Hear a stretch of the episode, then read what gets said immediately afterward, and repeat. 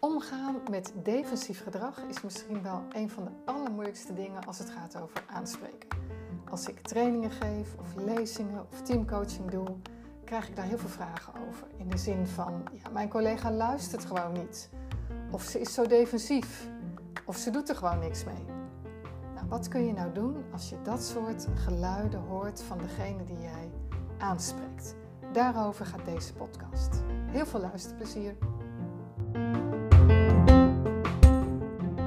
Een van de meest gestelde vragen als ik uh, lezingen geef of trainingen is: wat doe ik als de persoon die ik probeer aanspreek, te spreken gewoon niet luistert? Of als hij of zij er niks mee wil doen? Nou, er zijn een paar dingen die belangrijk zijn als jij iemand aanspreekt en je krijgt zo'n soort reactie, een defensieve reactie. Het eerste is begrijpen hoe het werkt, die defensieve reactie, wat er gebeurt in het hoofd van die ander, maar ook wat jouw aandeel is. Dus begrijp hoe het ontstaat. Het tweede is het leren herkennen, want niet alle defensieve reacties zijn heel uitgesproken en expliciet. En het derde is natuurlijk er goed mee dealen in het moment zelf. Nou, ik zal je in deze podcast stap voor stap meenemen in deze drie stappen. Nou, om maar meteen even met het eerste te beginnen. Uh, over het algemeen zeggen mensen wereldwijd dat we openstaan voor kritiek of dat ze openstaan voor kritiek en leren. Maar hun acties laten vaak iets anders zien. En Chris Argyris, een hoogleraar van Harvard, heeft daar veel onderzoek naar gedaan. En het is hem opgevallen dat vooral als het spannend wordt, we allemaal onbewust gericht zijn op het behouden van controle, het maximaliseren van gewin of het minimaliseren van verlies, het onderdrukken van negatieve gevoelens en zo rationeel mogelijk zijn. En die vier basisprincipes die resulteren in een aantal min of meer geheime werkafspraken met onszelf. Dus dat leidt ertoe dat je bijvoorbeeld uh, iets zegt als spreek stellig aan, zodat de ander je onzekerheid niet merkt. Of laat zien dat je niet van je stuk bent als je kritiek krijgt.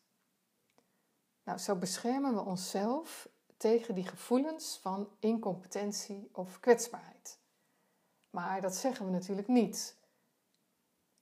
Op momenten dat we ons bedreigd of beschaamd voelen, dan komt er eigenlijk onze eigenwaarde in het geding.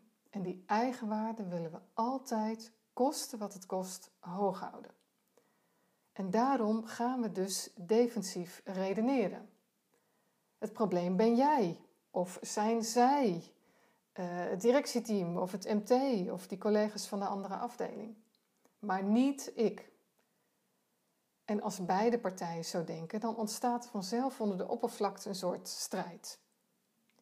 Maar het gekke is, we zien onszelf allemaal als weldenkende mensen. En we zijn ervan overtuigd dat we altijd handelen vanuit goede intenties. Maar bij die aannames over waarom andere dingen doen zoals ze die doen, trekken we wel hun motieven in twijfel. We verwijten die ander dat hij schuld heeft aan de situatie waarin wij ons bevinden. En daar zijn we heel zeker van in ons hoofd. En dat maakt dus dat we niet meer naar die ander luisteren. En we worden helemaal woest als we het gevoel hebben dat die ander niet meer naar ons luistert. Kortom, we realiseren ons niet dat we zelf net zo'n groot onderdeel van het probleem kunnen zijn als onze collega. En dit zelfvervullende, contraproductieve proces bestaat volgens Argyris in alle organisaties, groot en klein en in alle culturen. En het speelt een rol in één-op-één interacties, in groepen en over afdelingen heen. Telkens weer. Eigenlijk tot frustratie van iedereen. En wat belangrijk is om te begrijpen, is dat je soms zelf onbewust defensief gedrag oproept. Ik kan me nog een interview herinneren met manager Mark. En voor hem was uh, kritische feedback echt cruciaal om te kunnen leren. Dus hij begreep ook niet dat anderen vaak zo defensief reageerden op zijn kritiek. En hij vertelde me dat hij een gesprek had gehad met twee controllers, waarin hij gezegd had dat hij niet tevreden was over de bestaande managementrapportages. En hij had ze gevraagd een nieuw format aan te leveren. Nou, een week later kwamen ze echter weer met hetzelfde schabloon op de proppen. Dus hij vroeg aan ze: waarom komen jullie nu weer met dat oude format? Ik heb toch al drie keer gevraagd iets nieuws aan te leveren? Nou, die controles sloegen rood uit en stamelden en wezen naar elkaar. Maar wat zou er bijvoorbeeld gebeurd zijn als Mark had gezegd: Ik zie dat het nieuwe format nog niet klaar is. Wat hebben jullie nodig om het af te maken?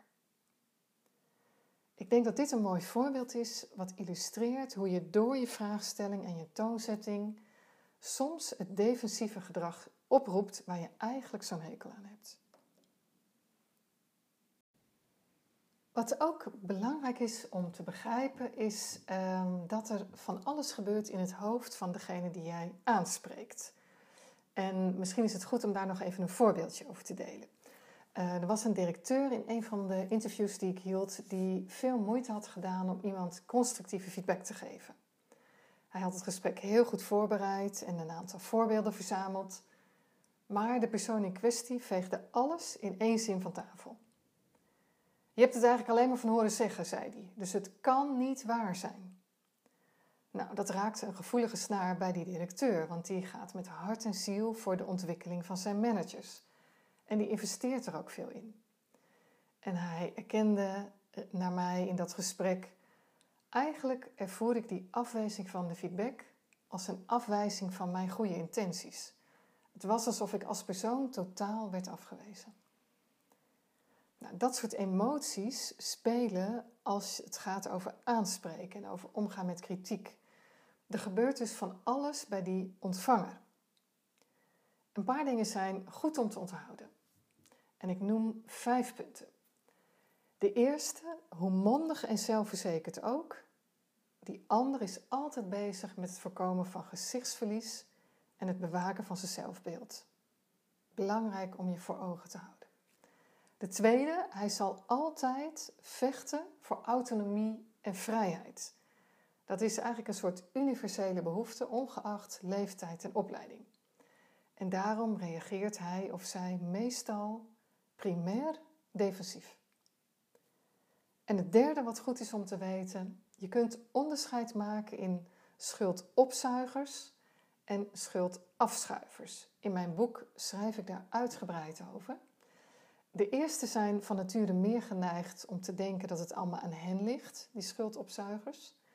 Ze kijken naar hun eigen aandeel in het probleem en accepteren de kritiek daarop.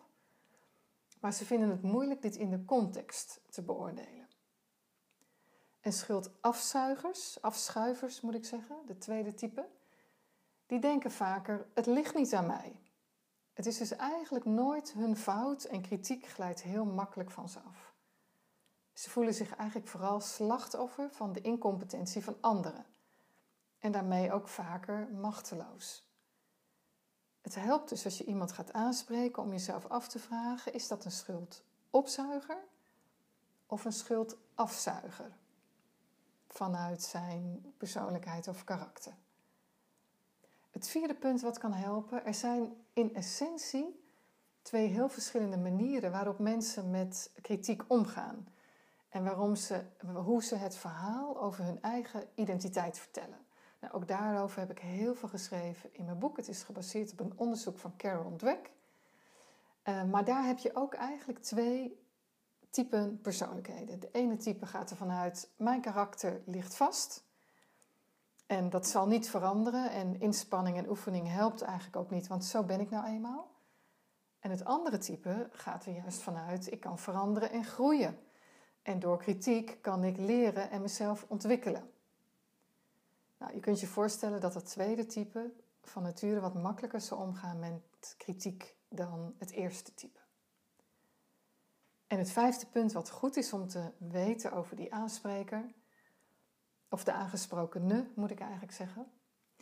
Mensen die de neiging hebben om hun prestaties te overschatten, die reageren vaak heftiger op jouw kritiek en je kritische feedback dan mensen die hun prestaties onderschatten.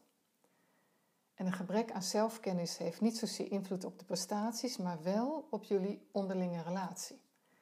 Dus als je te maken hebt met iemand die je moet aanspreken die zijn prestaties wat overschat, kun je dus een wat kritischer en in ieder geval ook heftiger, emotionelere reactie verwachten.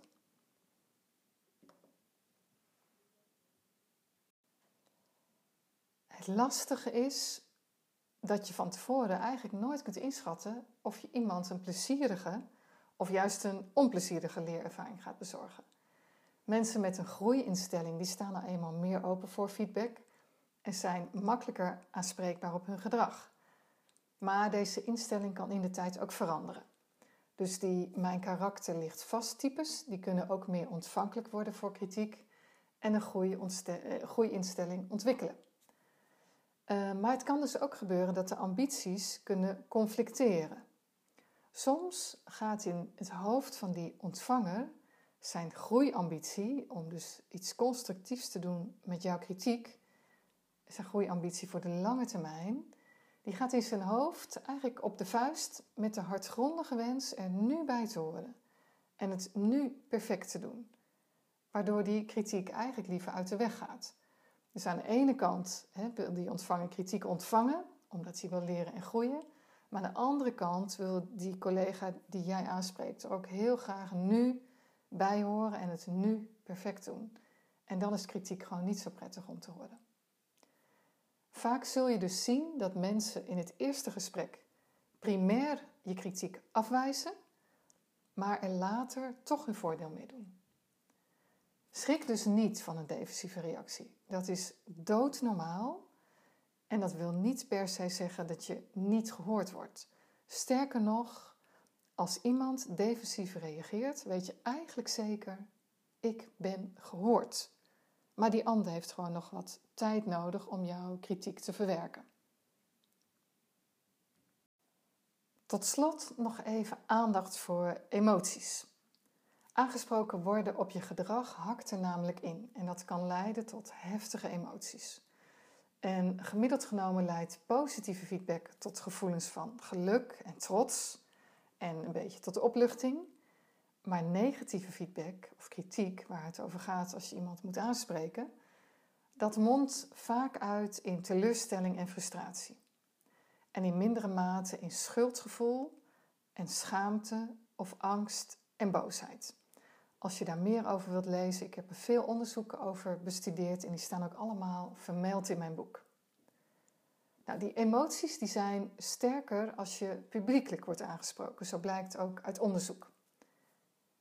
En die emotie over de ontvangst van kritiek die is zo groot dat de verontrusting na de verontrustende kritiek, die bepaalt eigenlijk welke betekenis we eraan geven. Dus, dus eigenlijk is het de verontrusting over de kritiek en niet de kritiek zelf die onze reactie bepaalt. En ik struikel er bijna over omdat het zo lastig is om het goed uit te leggen. Om goed te kunnen horen en te begrijpen wat er werkelijk gezegd is, moeten we dus de verhalen die we er zelf omheen breien, nadat iemand iets gezegd heeft, tegen ons kritiek gegeven heeft, moeten we weer afbellen. En dan pas kun je filteren waarom voel ik deze emotie en waar komt die vandaan. Stel je voor dat je vader vroeger bijvoorbeeld altijd zei: de volgende keer een 8 als je met een 7 thuis kwam. Dan kan het zomaar gebeuren dat als een collega tegen je zegt: bij het volgende rapport zou ik wel eerst even de spellingscontrole eroverheen halen, dat hij meteen aan een oude wond gaat krabbelen. Terwijl die collega bedoelt: het was een perfect stuk, dus daarom vielen de taalfouten extra op, hoor jij misschien: ik doe het nooit goed genoeg. Van één onderdeel van ons gedrag maken we eigenlijk alles. En van nu maken we altijd in ons hoofd. Want dat zegt die ander helemaal niet. En voor je het weet, word je dus. Uh, hè, wordt misschien kun je de volgende keer haar eerst even laten uitpraten in jouw hoofd. Je bent een dominante lompe boer. Nou, deze vervorming die komt op het moment zelf heel realistisch over. Dat zal die ontvanger dus ook doen als die kritiek van jou krijgt.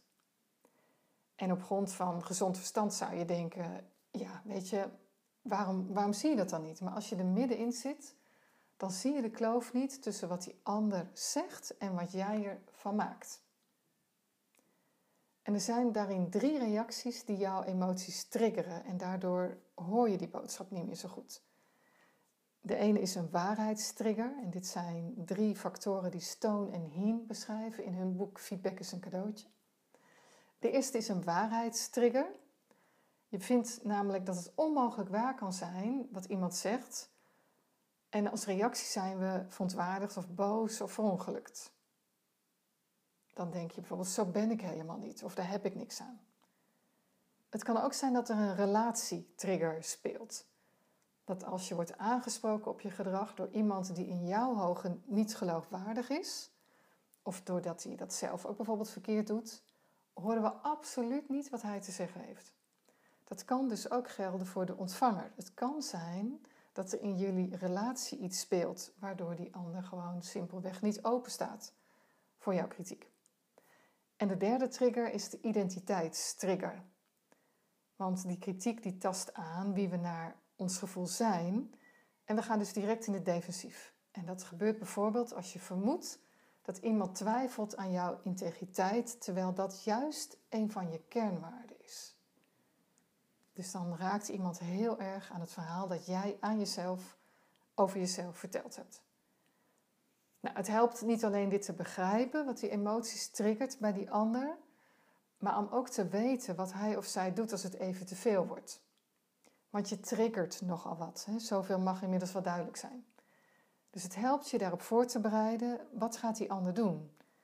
Kruipt ze in haar schulp? Klapt hij dicht? Begint hij of zij te ratelen of misschien jou te aanvallen of anderen de schuld te geven? Dat is allemaal waardevol om vooraf over na te denken. Nou, dit was eigenlijk tot zover een hele kluif met allemaal interessante kost om te begrijpen over wat er in het hoofd van die persoon gebeurt die jij aan gaat spreken of aangesproken hebt. Wat er gebeurde in het gesprek. Het helpt als je daar uh, ja, meer zicht op hebt, omdat je het dan simpelweg beter begrijpt. Nou, de tweede stap die belangrijk is, vervolgens herkennen wat voor defensieve reactie hier aan de hand is. En in essentie kunnen mensen altijd drie soorten reacties vertonen. De eerste is vermijden. Dus de collega die jij aanspreekt, die loopt gewoon simpelweg weg. Of hij gooit de hoorn erop. Of hij zet zijn video uit hè, als je in een online meeting zit. Hij relativeert het weg in de zin van, joh, maar eh, weet je, ik heb een lastige tijd thuis. Of uh, hè, mijn vrouw is ziek. Of uh, nou ja, dat is toch normaal, daar heeft iedereen toch wel eens last van allemaal vermijdingstactieken. De tweede reactie die je kunt verwachten is de aanval. Wie ben jij helemaal om te denken dat jij, je doet zelf ook. Nou, boos worden, de rollen omdraaien, uh, niet van jou willen aannemen. Allemaal dat soort reacties. En de derde, die gaat over verdedigen. Dat zijn mensen die soms omstandig gaan uitleggen waarom het wel juist was. Dat zij op dat moment zo acteerden. En dan niet in één zin, een verklaring, maar in tien zinnen. Een uitleg waarom het wel goed was. Of ik wist niet dat. Of uh, ja, maar goed, weet je, hij zei dit. Of mijn leidinggevende had me de opdracht gegeven om zus. Toch een beetje buiten jezelf leggen. Nou, als je kijkt naar degene die jij moet gaan aanspreken, of de persoon die je misschien recent aangesproken hebt, vraag jezelf dan eens af welke van die drie reacties zag ik eigenlijk? Was het vermijden, dus wegrelativeren, ontkennen, weglopen? Was het misschien de aanval? Nou, die zal je niet gemist hebben, denk ik. Want dan is iemand, denk ik, redelijk ontploft in jouw gezicht. Of was het meer een verdedigingslinie? en omstandige uitleggen, bijna een beetje jezelf klein maken en nederig worden. En de derde stap is dan natuurlijk, als je die defensieve reactie herkent, hoe ga je er goed mee om? Uh, nou, ik durf het bijna niet nog een keer te zeggen in deze podcast, uh, maar de podcast is te kort om tot in detail alles uit te werken. In mijn boek staat een uitgebreide tabel, nou ik geloof van twee of drie pagina's, met per type defensieve reactie mogelijk gedrag dat jij kunt vertonen. Om er even een paar te noemen die eigenlijk altijd goed werken. Dus of je nou te maken hebt met vermijden, aanval of een verdediging. Ja, het is bijna te, simpel voor woorden, maar is gewoon je mond houden. Luisteren en stil zijn. Probeer het maar eens uit. Je zult ontdekken hoe krachtig het is. Je laat die ander gewoon stoom afblazen. Hij loopt langzaam leeg tot alle druk van de ketel is. En dan kun je wellicht nog een keer je boodschap herhalen. Of checken hè, wat van mijn boodschap is er aangekomen. Stil zijn is een hele krachtige. Je kunt ook vragen stellen en dan vooral open vragen. Bijvoorbeeld, wat klopt? Of wat klopt wel van wat ik uh, net tegen je gezegd heb? Of je kunt vragen naar de intentie die iemand had. Wat wilde je bereiken met dat gedrag hè, dat je op moment X vertoonde? Iets anders wat ook altijd goed kan werken is uitleggen waarom dit voor jou belangrijk is om het nu te zeggen. Waarom het, uh, wat het met jou deed, zeg maar, wat het bij jou triggerde. En een goede afsluiter is altijd, uh, nou, wat zou ik kunnen doen hè, om te zorgen dat jij minder in dat gedrag vervalt? En wat zou jij kunnen doen om te zorgen dat ik dan, nou, hè, X doe?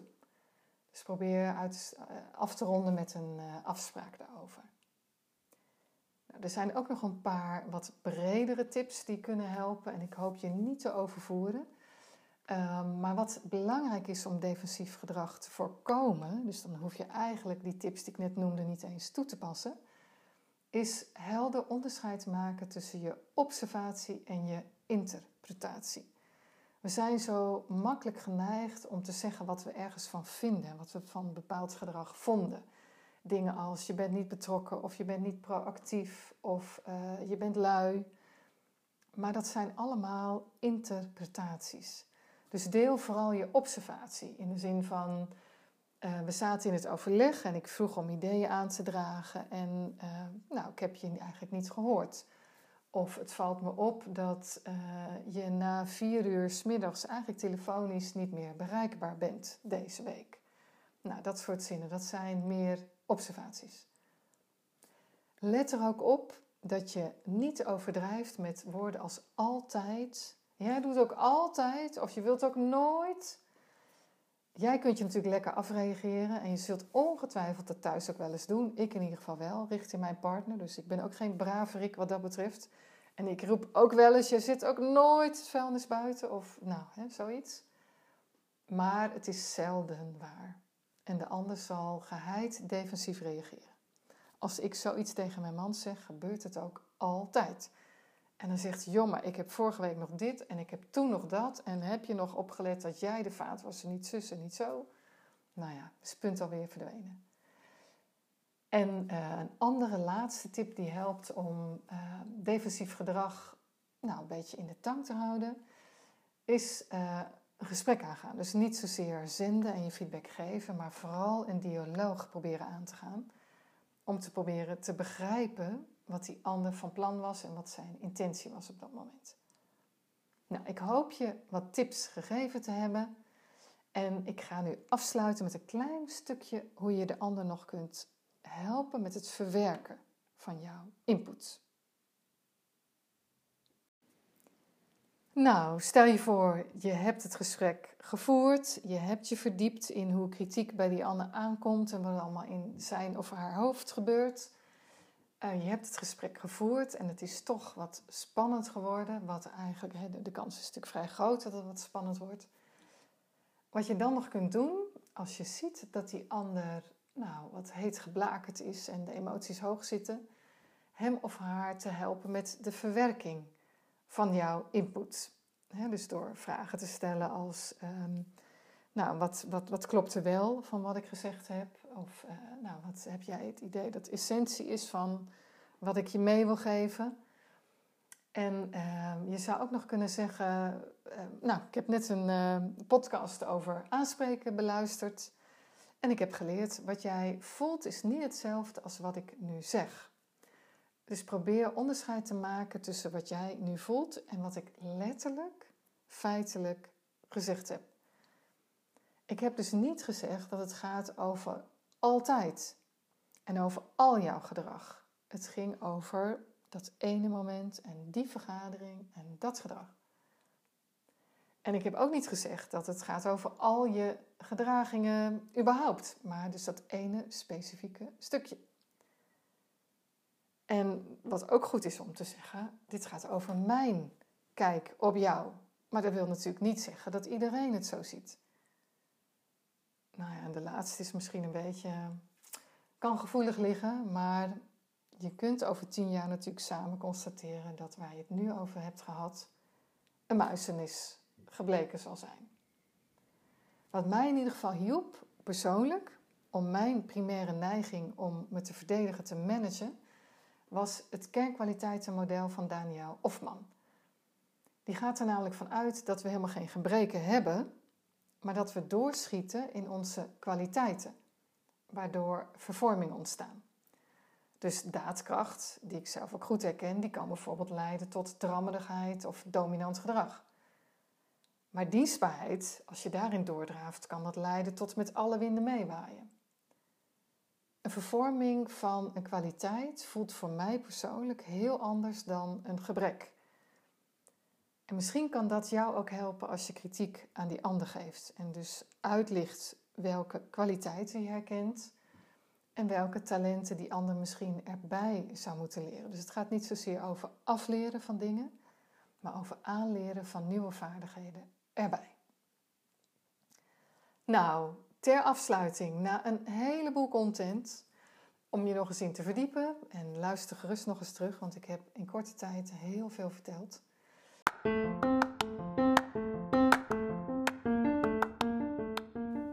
Wat doe jij eigenlijk zelf als je kritiek krijgt? Hoe goed is die ander in staat om dat bij jou in je hoofd te planten en je in beweging te krijgen? Nou, waarschijnlijk zul je herkennen dat dat niet meevalt. En dat je soms ook eigenwijs bent en kritiek naast je neerlegt. Dat geldt helaas ook voor de persoon die jij aanspreekt of die jij constructieve feedback wilt geven. De ontvanger bepaalt uiteindelijk of hij jouw boodschap aanneemt en wat hij of zij er al dan niet mee doet. Respecteer dus zijn of haar grenzen. En het is heel erg lastig, zeker als je de leidinggevende bent. Maar respecteer ook zijn of haar eigen wijsheid. Nou, ik hoop je te hebben kunnen inspireren. Ik hoop dat je zin hebt gekregen om het volgende lastige gesprek aan te gaan, omdat je nu beter begrijpt wat er allemaal in het hoofd van die ander gebeurt. En uh, nou, wil je meer lezen? Kijk dan even op www.succesvolaanspreken.nl. Als je het leuk vindt, zou je daar het boek ook kunnen bestellen. Um, en ik heb een e-learning gemaakt. Dus misschien vind je het leuk om in kleine blokjes, in zes modules, nog eens wat verder te lezen en te leren over deze materie.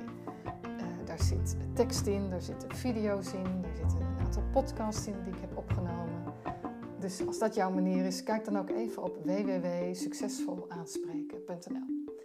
Ik wil je hartelijk bedanken voor het luisteren. Als je deze podcast wil liken, vind ik dat natuurlijk ook fijn.